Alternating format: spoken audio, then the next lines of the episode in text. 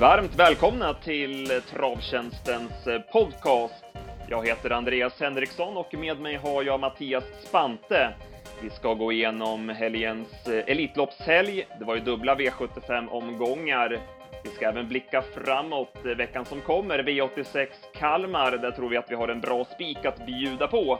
Sedan är det V75 i Östersund och där har vi ett skrälldrag i kallblodsloppet.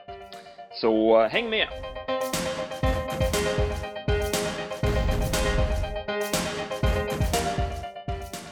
Ja, Mattias, Elitloppshelgen är över. Du var på eläktaren mesta del, delen av helgen. Vad, hur var stämningen där? Eh, den var bra och sen får man väl, ja, det, vädret var ju som det var på lördag men det var, det var bra drag ändå där trots vädret och sen söndag var ju kul att vädret var bättre då så att nej, det var trevligt som alltid Elitloppshelgen.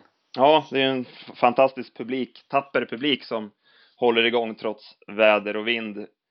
Eh, jag var förbi också några, några timmar där på söndagen och är det, det är ju Elitlopp, det är ju eläktaren man ska vara på under Elitloppshelgen, så, så är det ju helt klart. Ja, verkligen.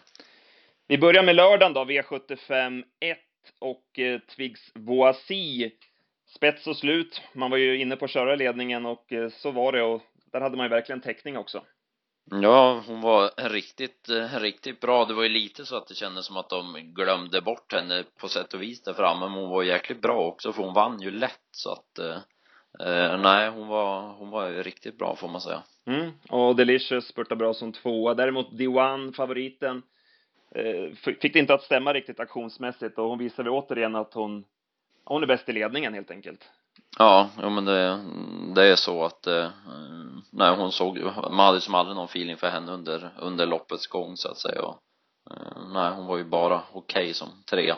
Mm. Sen V75 2, eh, då fick ju Örjan och Valman snabb revansch, Melby Collector, eh, barfota runt om, det gav en extra växel och han spurtade ner favoriten Edge Boko precis på mållinjen. Mm. Eh, man har ju varit lite sådär besviken på honom här några några starter och att ja, är han verkligen så, så bra men barfota såg ut att göra susen för det gick eh, undan runt slutsvängen och in på upploppet så kändes ju på en gång som att han skulle vinna det blev ju hårt men ja, han hade ju nosen först och Edge Boko borde väl ha hållit undan ändå för att få överbetyg Ja, det får man ju säga. Han, eh, ja, det var, han blev ju inte någon utmanare och sådär utan han, han var väl lite laddad som han brukar kunna vara men nej, han, han borde ha vunnit. Och Cab Hoonline var positiv som trea. Sen hade vi V75 3 och en ny skräll, Nocken Fräckert, eh, ständigt underskattad. Eh, vann före Falcon ja, Ja, den är underskattad Nocken Fräckert och det är ja, fortsatt, fortsatt form på den kanten. Det var ju eh, Sjunne som fick ju chansen att gå ut ifrån ryggledaren på Västerbo Highfly och, och tog ju den på på en gång och det var ju starkt att hålla undan för de som kom bakom där så att eh, nej, den är bra den där. Och Västerbo Highflyer var ju något av dagens besvikelse tycker jag när han, vi trodde ju på spets på honom och fick han dit men han bara fällde ihop över upploppet. Ja, när det var riktigt trist att han eh, skrynkla ihop sig där. Han har ju haft lite problem med hals och sådär så att det är ju, ja, när vädret blev som det blev så vart ju inte det någon fördel heller. Det blir väl ännu mera ännu mera lott och så så att de har problem med halsen och sen ska man väl säga överlag en sån här dag att man, man ska väl inte ta så hårt på vissa insatser, kanske då banan var som den var, det blir ju jäkligt lurigt. Ja, precis. V75 4 var klass 1-finalen och eh, det blev favoritseger Ready for more, men eh, inte säkert att det, att det hade blivit det om första starten hade gått iväg. Nej, det lät ju som Puffa att han tyckte att det var, det var nästan fördel att det blev omstart för han var lite rappare just första stegen direkt efter bilen och att, eh, att det gjorde att han höll upp då sen och ja, han var ju grymt bra sedan men som sagt det hade nog inte blivit spets i första starten var feelingen. Nej, precis. Och Lavlini var ju klart positiv som, som tvåa. Ja, den var jäkligt bra och mm, Linderoth körde ju där och det är något man nog ska ha lite koll på när Per Linderoth hoppar upp första gången. Det brukar bli bra, bra snurr på de flesta.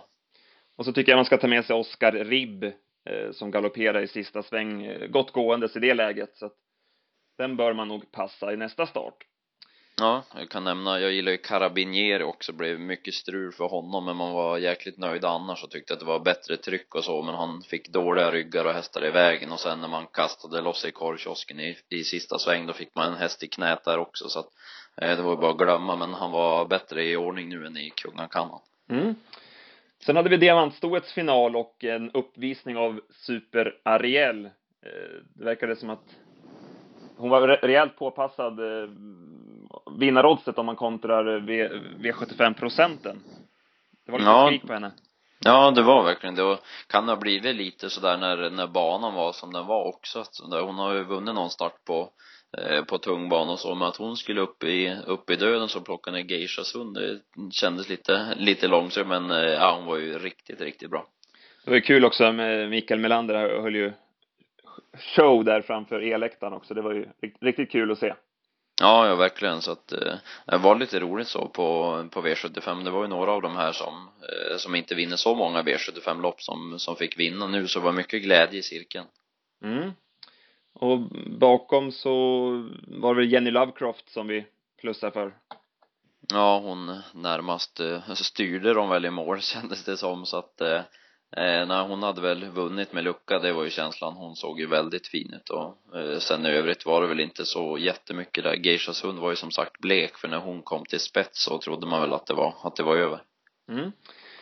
Sen hade vi bronsfinalen och eh, Sauveur visade återigen vilken grym häst det är. Det var en ruskig avslutning han bjöd på. Ja, det var ett häftigt, häftigt upplopp och nej, han, han går ifrån klarhet till klarhet så att eh, Ja, vi får väl se. I fjol var det ju Royal Fighter före BBS Sugarlight i brons. Vi får väl se om Sauveur och Jeppas Maxi är med i Elitloppet nästa år då. Ja, precis. Det, är, det märks nu, det skiljer inte så mycket på, på hästarna i, om man tänker från den här klassen och uppåt nu, att det, det är betydligt jämnare i, i toppen. Ja, ja verkligen, så är det ju. Eh, sen hade vi avslutningen och det var ju Harper Hanovers lopp och Indiges var ju ruskigt i ordning ställd och grymt bra. Ja, ja det var eh, Melby Viking blev ju ja, rejält upphåsad efter, efter Nurmos uttalande om eh, sista eh, jobbet han hade kört där, att det var bästa han, bästa han hade kört i, i jobb någon gång och så. Han, han var ju bra Melby Viking men Indigius var ju bara bättre helt enkelt. Han, han var riktigt i ordningställd. Mm. Och sen bakom där hade vi Usain Henna som vi vill fortsätta varna för framöver. Ja, vi hade ju lite skräll, skrällfeeling för honom om det skulle om det skulle bli rätt kört. Men nu blev det ju konstigt när, när han fick döden så, så körde Berg fram där och eh, ja Svanberg släppte ju ner honom då men sen blev han ju kvar där bakom och eh, det strulade men Usain Henna den, eh, ja den får vi nog ta framöver igen. Vi, vi gillar ju honom. Ja och sen som vi pratade om i eh, förra podden där med just Harper Hanovers lopp att det finns ju lite att göra på det här loppet. Det kittlade inte så mycket. Nu blev det ju en, en härlig duell om man säger mellan Indiges och Melby Viking. Det var ju två bra, bra insatser, men bakom var det ju inte så, så roligt. Vi saknade de franska inslagen och, och, och så, så att lite högre prissumma och lite mer locka lite bättre hästar till nästa år kanske då. Ja, det får vi hoppas på. Om vi summerar V75 lördag så blev det en svår omgång, eh, över 6 miljoner på 7 rätt. Eh, vilken, vilka hästar tar vi med oss att spela nästa gång? Jag säger nog, ja, då säger jag Jenny Lovecroft där då. Det var väl den som jag tyckte var eh, den som såg, såg bäst ut så att säga. Ja, det, det, det haglade inte så många nästa gångare. Jag får säga Oscar Ribb då. Han såg ju laddad ut när han galopperade där i sista svängen. Mm. Så går vi till söndagen och det var ju betydligt roligare idag. Vi hade lite mer tur med vädret och det var ju flera fantastiska prestationer redan innan V75. Eh, jag tänker på Red Team Rex till exempel. Ja, det var, det var, det var svettigt att se. Det var tredje spår runt om och vann ändå. Det, det är inte så vanligt att, att någon kan göra det nu för tiden. Det ska ju vara i stort sett omöjligt, men nej, han var grymt bra Red Team Rex där innan. Ja, han sa ju det Örjan att han försökte ju komma ner någonstans och var på väg att backa ner men alltså blev det att han blev tvungen att fortsätta framåt och det, ja, det gjorde ju att han vann loppet också. Ja. Och sen eh, Montea eliten var väl, ja kanske det loppet som fastnade mest på min näthinna efter, efter helgen. Det var en jäkla uppvisning av Torkrepin som vann på nytt världsrekord. Ja, det var häftigt. Det har ju, eh, om man tar lite skillnad kontra Harper så är ju Monté-eliten är ju alltid en krydda när det är. Det kommer ju alltid några av de här franska. Vi har ju haft Prince de Montfort och så nu fick vi se det här på nytt världsrekord. Så att Monté-eliten är ju, ja det är jag tycker definitivt att det är en av de, de två, tre bästa loppen under, under helgen. Så att äh, det var en häftig, häftig duell och grymma prestationer. Ja, de måste göra ett bra jobb med att få hit hästar, för det var, det var ändå bara, bara 150 000 i första om man, om man tänker så. så att, ja, det är vasst att få hit de här bästa franska och det märks vilken klasskillnad det är mot, mot våra svenska montéhästar.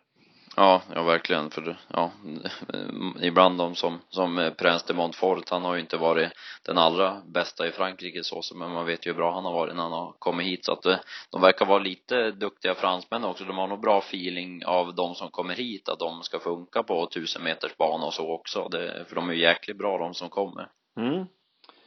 Sen gjorde vi tips eh, även till ramloppen och eh, i V51 så trodde vi mycket på Tough Cookie, spikade spikade den hästen på V5 och gav åtta gånger och vann ju enkelt. Så att det var ju en bra vinnare, även om det loppet, treårseliten för ston, kanske inte höll allra högsta klass.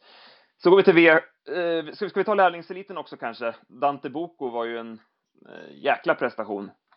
Ja, den eh, känns ju som att det var värt att nämna att det var väl tio och en halv blev väl segertiden och det var, ja det var vilket intryck det var på Dante Bocco. Det var, ja han, den var verkligen i ordning och ja, det var, var häftigt att se. Eh, lärlingseliten blev ett kul race. Ja, verkligen. Det var sevärt och det var barfota runt om och han gjorde lite ett annorlunda upplägg också innan loppet. Ja, han kom ut ett, några minuter innan defilering och innan någon annan ens var, eh, var på väg ut på banan. Eh, eftersom han testade eh, att köra barfota där så kom han ut och körde en rejäl provstart. Och vi hade 08 i 200 meter kom han ut där och körde och testade och såg ju helt grym ut. Så det var lite, lite annorlunda upplägg så men det, det såg ut att funka. Ja, det är häftigt att se också när man står precis vid banan och när, när han kommer förbi på upploppet.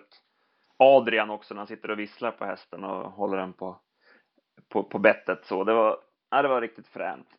Eh, så V75 då, vi börjar med fyraåringseliten för ston och uppvisning av Billy de Montfort.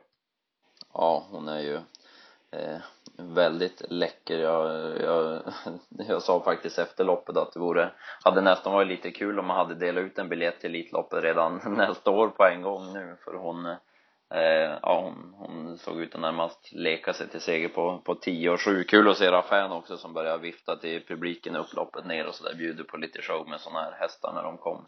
Ja, absolut. Och äh, även efter loppet där han sa att ha Elitloppet nästa år och det är ja. kul ändå när de bjuder lite och det är inte bara, ja vi får se och allt kan hända utan ja, nej, när de tar in lite luft sådär, det, det, det är kul att höra. Ja. Uh, Heaven's Door blev ju allting fel för, men eh, hade ju krafter kvar när hon galopperade så att den tycker jag att man ska ta med sig fortsatt framöver. Mm. Eh, sen Elitloppet då. Elitloppsförsök 1 och eh, ja, Royal Fighter från Dödens. Hur svårt ska det vara? ja, precis hur svårt ska det vara? Det var eh, ja, undrar om det var någon som hade den analysen att han skulle vinna från Dödens, men eh, ja, han han fightades och var bara bäst helt enkelt. Ja, otroligt jäkligt kul alltså. Det var, även om det var iskallt för plånboken så var det, värmde det verkligen i hjärtat med hela ekipaget och så. Ja, ja, det är nog sällan man har eh, varit så glad över att ha, ha så fel. Jag trodde väl att Royal Fighter mest var en utfyllnad i Elitloppet var väl, var väl feelingen men Eh, nej, sällan man är så glad att ha så fel. Det var ju grym, grym PR för travet så när man läser lite olika sportprofiler och så som man vet inte är jättetravintresserade skriver på sociala medier och så här om om att ja, det var häftigt att tjejen fick sätta grabbarna på plats där i försöket och ja men folk håller ju lite koll på Elitloppet så sätt så att det är en bra PR-grej för travet också Royal Fighter har ju varit. Ja, det är helt klockrent och man stod ju på elläktaren då och märkte verkligen hur vilken publikfavorit ekipaget var också. Tänkte bara när de, när de värmde upp och när speaker ropade ut att ah, nu, här, välkomna hit Royal Fighter, Jennifer Tillman, så blev det ett jäkla drag. Mm. Och när, när de presenterade Magic Tonight, det var, ja, det var lite små strödda applåder sådär. Det var ju liksom, Ja, det märktes vilken som var publikfavorit. Ja, helt klart. Eh, Nuncio var ju seg som tvåa, men det var ju, det var ju som planerat med skor och öppet huvudlag i försöket. Mm. Eh, Men kvala in som tvåa då, Mosaic Face borde ha vunnit i spets. Det strulade sen- lite grann med, han skulle dra en norsken var det va, på, på upploppet där. Ja, det var väl det som var något, något strul att det var ju, det var ju första gången han torskade ifrån spets mosaik så det var ju eh, lite oväntat han gjorde det med tanke på hur bra han var i finalen Ja, sedan. jo, det är rätt svår häst att räkna på. Ja, det var, och sen ja, Philippe Dochard han körde ju inte den här gången heller, han verkar vara rätt, eh, han, han kör inte så ofta. Nej, så vet jag inte om den hade någon krafter kvar heller, men, men Nej, det var lite, jag läste någonstans att det kanske inte var riktigt, riktigt rätta trycket i honom. Nej, det kändes, det kändes så. Det var inte alls samma intryck som i Finland, men ja, så är det. Och sen hade vi nästa försök då. Då var det Magic, Magic Tonight som vann från spets, tog en längd på BB Sugarlight och ja, han var jäkligt fin och uh, iordningställd utav Roger Wahlman. Mm, det var ju, um, Roger sa ju i, i onsdags på Valla när han fick frågan om vem som var bästa chansen hela helgen så sa han ju Magic Tonight faktiskt och ja, där kan man ju snacka om att sticka ut hakan men han hade ju helt rätt att han var i ordning och vi var inne på honom i, i försöket också. Ja, han har ju verkligen haft det här loppet i sikte hela tiden och under vintern också hela tiden tränat för det här och han var ju inbjuden redan innan han vann eh, loppet innan här så att eh, man har verkligen haft siktet hit och har den på topp och det lyckades man ju verkligen med också så att ja, det var en bra vinnare och även för oss. Vi hade ju feeling att vi kunde få honom till spets och hade honom i A-grupp och spelade även tvillingen med Maven på, på slutspelet till knappa 15 gånger så att det var bra. Mm, tyckte det var tråkigt med hennes bakom, det var ju Voltiger Demyrt. Han hade jag velat se gå till final för jäklar som han såg ut alltså, det var eh, ja, han hamnade ju sist och hade ju eh, hästar i vägen hela tiden och sen fick han ju aldrig chans utan förrän det var för sent, den, den såg ju helt fantastisk ut. Ja. ja, det blir så konstigt också när en sån som Brett Boko väljer att köra i andra spår. Det Ja, ofattbart eh, och ställer till det för flera andra som inte får chansen riktigt. Eh, Sen hade vi Lannem Silje och det var ju din vinnare i podden förra veckan och man kan lugnt Mm. säga att du fick rätt. Ja, jag hade, det, det blev väl lite som jag hade feeling för att hon borde kunna sitta i spets tidigt och sen, ja, jag trodde inte att de andra skulle rå på henne men ja, de var ju, de var ju jäkligt bra de bakom också men eh, hon är ju bäst i alla fall på 1609 också. Känns ju som att det är lite fördel henne kanske än om det skulle ha varit 2-1 till exempel. Mm. Det kändes rätt klart faktiskt på något vis hela vägen. Mm. Fick aldrig någon riktig sådär puls att Månprinsen skulle kunna ta henne. Nej, för han fick som aldrig komma upp sida, sida sådär. Hon höll som den där längden hela tiden och där 350-400 kvar när det började skulle dra ihop sig, då såg man att Vollebäck fortfarande var åkande så ja, det var, man undrar ju vart det ska sluta riktigt med Lannem Silje. Hon är ju trots allt inte så, så gammal som många kallror brukar vara när de slår igenom och liksom har tagit det klivet till eliten. Utan hon är ju, hon är ju bara fem hon så att Ja, nej, det var fantastiskt. Eh, däremot minus där på Bork-Odin. Eh, han skulle inte ha startat. Han fick även startförbud och nej, det var ing, det var ingen riktig feeling att starta honom som, i det skicket. nej. Sen hade vi eh, långloppet For Pleasure Us som vi hade tipsetta på och med Johnny Takter och det var väl just att Johnny körde som gjorde att han vann loppet. Det blev ju helt perfekt och han spurtade ner en tapper Comte på mål den sista biten.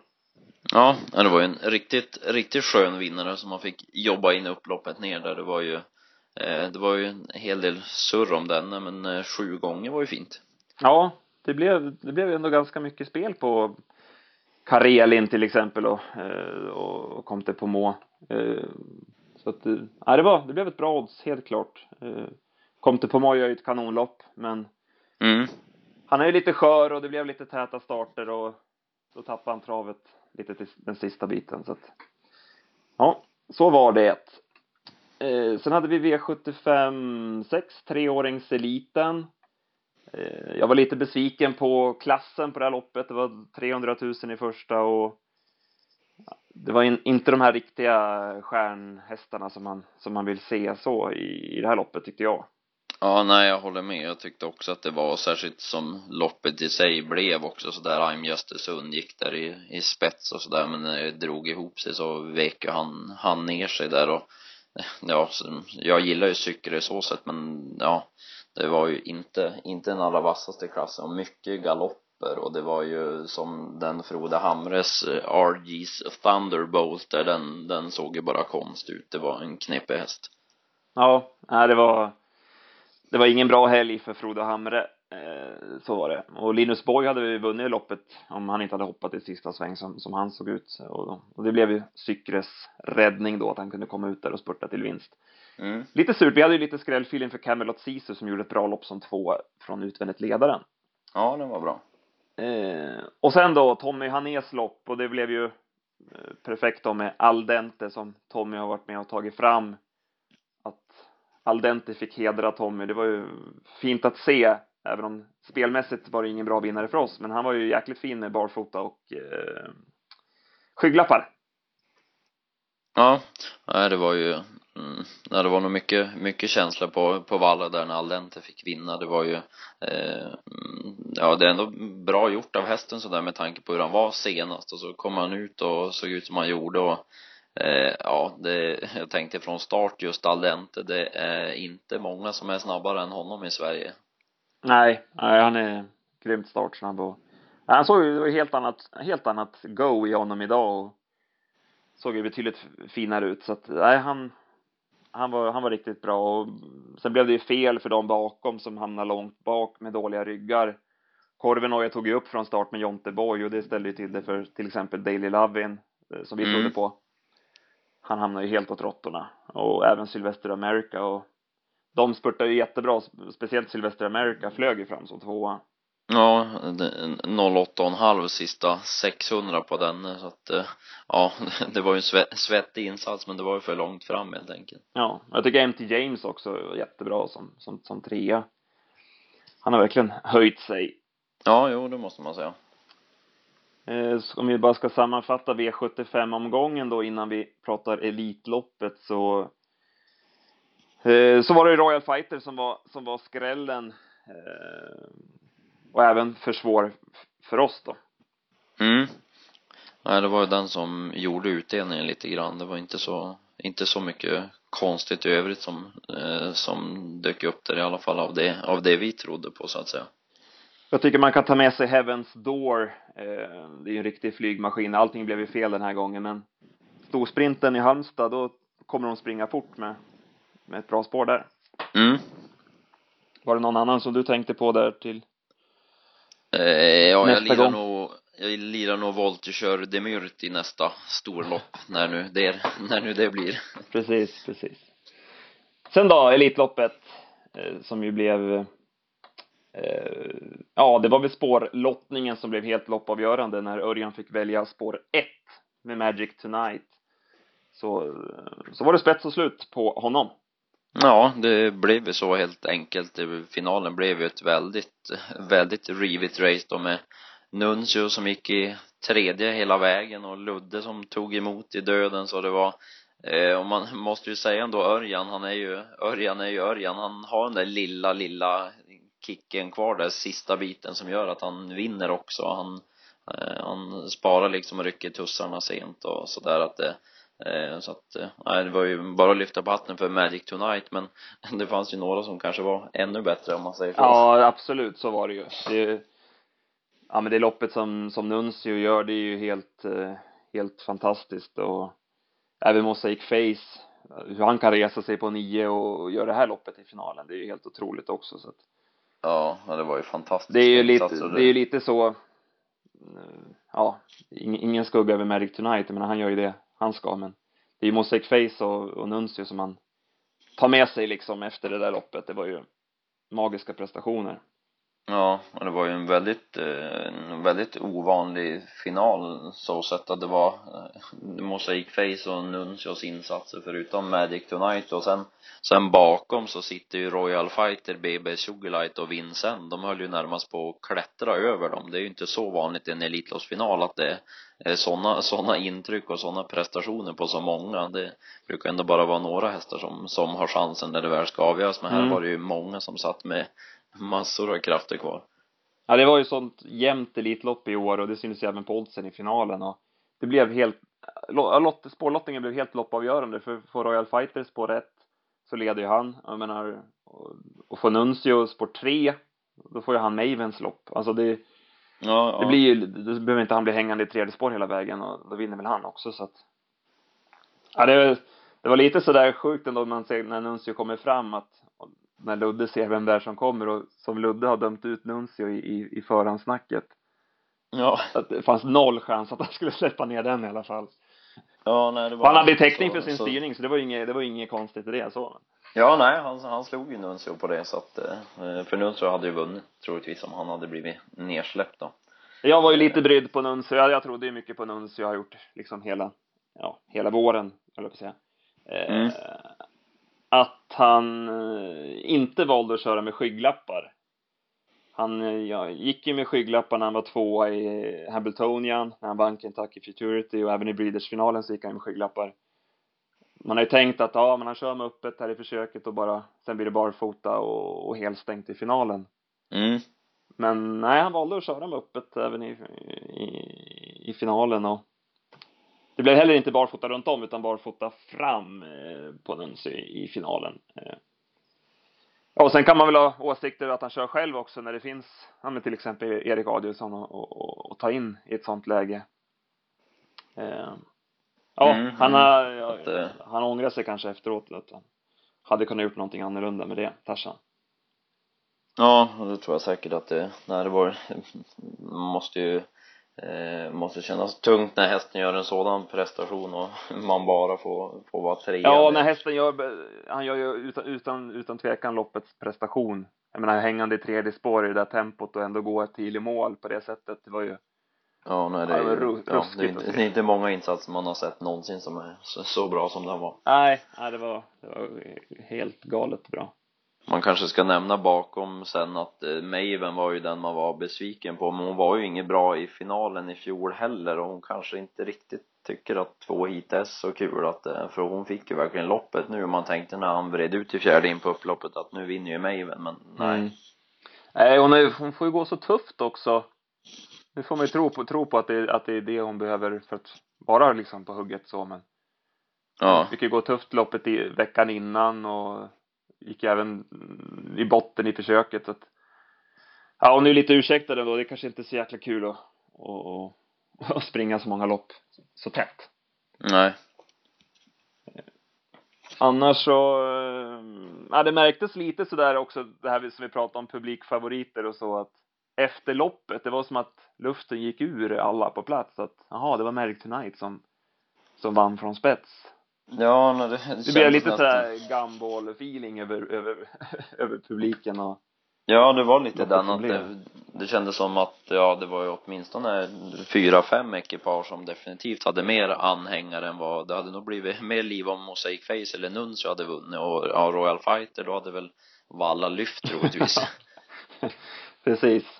Nej, men det var, det är ju prestationerna, det är jäkligt fina prestationer ändå och det var det var kul ändå så att äh, det var riktigt rolig helg. Om vi ska, ska vi summera lite summera lite över helgen. Vi hade ju faktiskt en vinnare även i sista loppet där i Victory Bonsai som vi skrev om i eftersnacket från Värmo att vi hade redan börjat samla tomburkar för att ladda in på honom och vi fick ju nästan 3,50 ja. på Victory Bonsai. Ja, det var en fin, fin avslutning på helgen. Så var det. Eh, helgens bästa då. Vilka, vilka intryck tar du med dig från helgen? Ja, det var många intryck att välja på men ja, jag säger nog tar Crepin i Monté-eliten och sen Billy de Montfort är jag väldigt svag för så skulle jag säga två stycken så säger jag nog de, de två på plussidan. Vet inte vad du gillade mest? Nej, alltså rent känslomässigt så eh, och hur överraskande det var så Royal Fighter i, i försöket därifrån. Det var, nej, jag blev helt paff alltså att, att han vann från dödens på det sättet. Ja. Och sen Uncio i finalen då förstås. Det var ju en ruskig prestation. Om vi sätter något minus, minustecken då, vi kan inte bara, kan inte bara hylla allting, utan om vi sätter något minustecken från, från helgen, vad har du då? Eh, då är det nog främst från, eh, ja det var väl särskilt på lördagen egentligen, men just det här när det, när det är Elitloppshelg och som det var nu, det kändes ju bitvis som att man var på en breddloppsdag på Örebro för det var, ja det var omstart bakom bilen i varje lopp i stort sett i början där och det var strul med material hit och dit som skulle fixas och det var ju, ja det var ju allmänt, allmänt rörigt och sen ja nu kan man ju inte, mm, ja olyckor kan ju hända och så sätt men det blev även en olycka på lördagen också det var ju, mm. ja det var mycket strul helt enkelt och eh, ja lite skärpning får det ju vara när det är Elitloppshelgen trots allt det är ju, det är ju största helgen vi har och att det eh, bitvis kändes som riktig amatörafton var ju väldigt Äh, det var ju Ja, det, blev ett tekniskt fel på bilen också i ett lopp. Ja, en sån sak också. Vad är det för något då?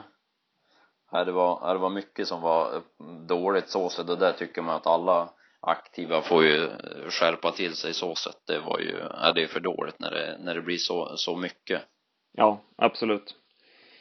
Hade du något annat du tänkte på som Ja, var... jag tänkte lite grann på tekniken, det här med, med nätet, wifi, det trådlösa nätet funkade ju återigen inte riktigt som det ska, tycker man en sån här helg.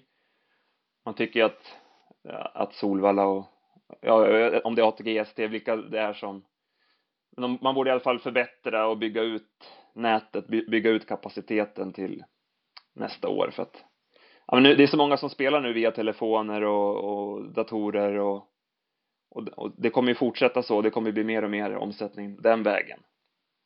Mm. Just det här med lång, långa totoköer och så vidare så vill man ju ha möjligheten att spela i appen. Men eh, ja, funkar inte nätet så är det ju beklagligt. Så där hoppas jag på förbättring framöver. Mm. ja annars var det en jäkligt rolig helg.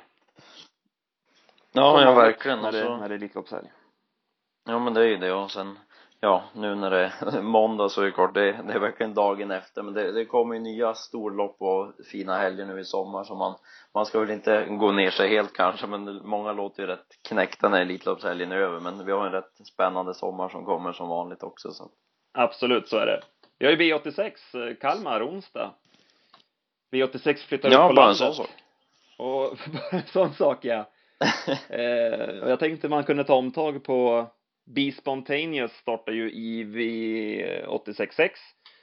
Jag har ju nämnt den hästen i podden ett par gånger. Eh, var lite sådär att den skulle kunna skrälla i Kungakannan eh, efter det intrycket i försöket, men då blev det galopp istället. Nu var det passande, passande eh, motstånd här på onsdag. Så då har vi V75 norröver, Östersund. Mm. Eh, till fina lopp. Ja, ja, de får man säga som, som alltid har fått ihop bra, bra race. Jag fick lite eh, skrällfeeling direkt jag kollade listorna så där. Vi nämnde ju Eldvin i podden när vi gjorde ifrån, ifrån Gävle då. Han, han närmast klättrade över dem efter att ha galopperat där. Eh, mm, till mm. slut och den, eh, ja det, det var ju lite samma gäng den här gången så med rätta ryggar så kanske Eldvin kommer längst ut och slår av dem till slut. Ja, spännande. Sen har vi ju Jämtland Stora, det kändes ju som ett öppet, eh, öppet lopp på, på förhand. Får vi se kreatin då, hur man ska göra med den nu. Om man ska få en chans till eller hur, hur man ska göra. Ja, precis. Nej, där får man nog klura lite. Det kändes ju, mm. kändes öppet. Det var väl, kändes väl som att nästan hela högen hade chans. Man får nog plugga lite spets där kanske. Det kan ju, mm. kan ju bli loppavgörande. Sen har vi ju silverdivisionen, Storsjöpokalen. Eh, med Nimbus CD som vi, som vi gillar skarpt. Och eh, han borde väl få en chans till som det känns. Han möter ju High Speed Call som gjorde ett jättelopp i Sweden Cup. Men det blir täta starter för honom nu. Får vi se hur han, hur han tar det. Mm, och så Oliver Kronos då som eh, levererade i, igen efter att ha varit dålig gången innan där så att det Mm. var ju, det var, det var ett fint, fint race Får vi se om Örjan tar i högertummen den här gången med Nimbus. Då känns det som att han kommer flyga lågt.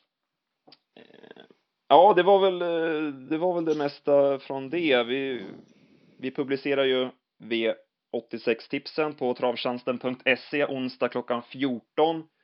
Följer upp detta i, med slutspelet klockan 19 med värmningar och lite senaste nytt. Vi fick ju faktiskt in slutspelet här i onsdags med drygt 28 000 i, i netto så att det är värt att även följa upp eh, efter värmningarna. Och V75-tipsen släpper vi ju på fredag klockan 15. Hade du något mer, Mattias? Nej, jag tror att vi hade summerat det, det mesta där va Eh, Det så. var en del att gå igenom, men Ja, det var ju det så att eh, då får vi ladda om eller vad man ska, ska säga då så att eh, precis, vi får ta en, en kaffe här och sen grotta ner oss i lopparkiven på nytt och leta nya vinnare. Yes, Tack för idag och tack ni som har lyssnat. Vi återkommer som vanligt eh, med en ny podd nästa måndag. Ha det bra! Hej!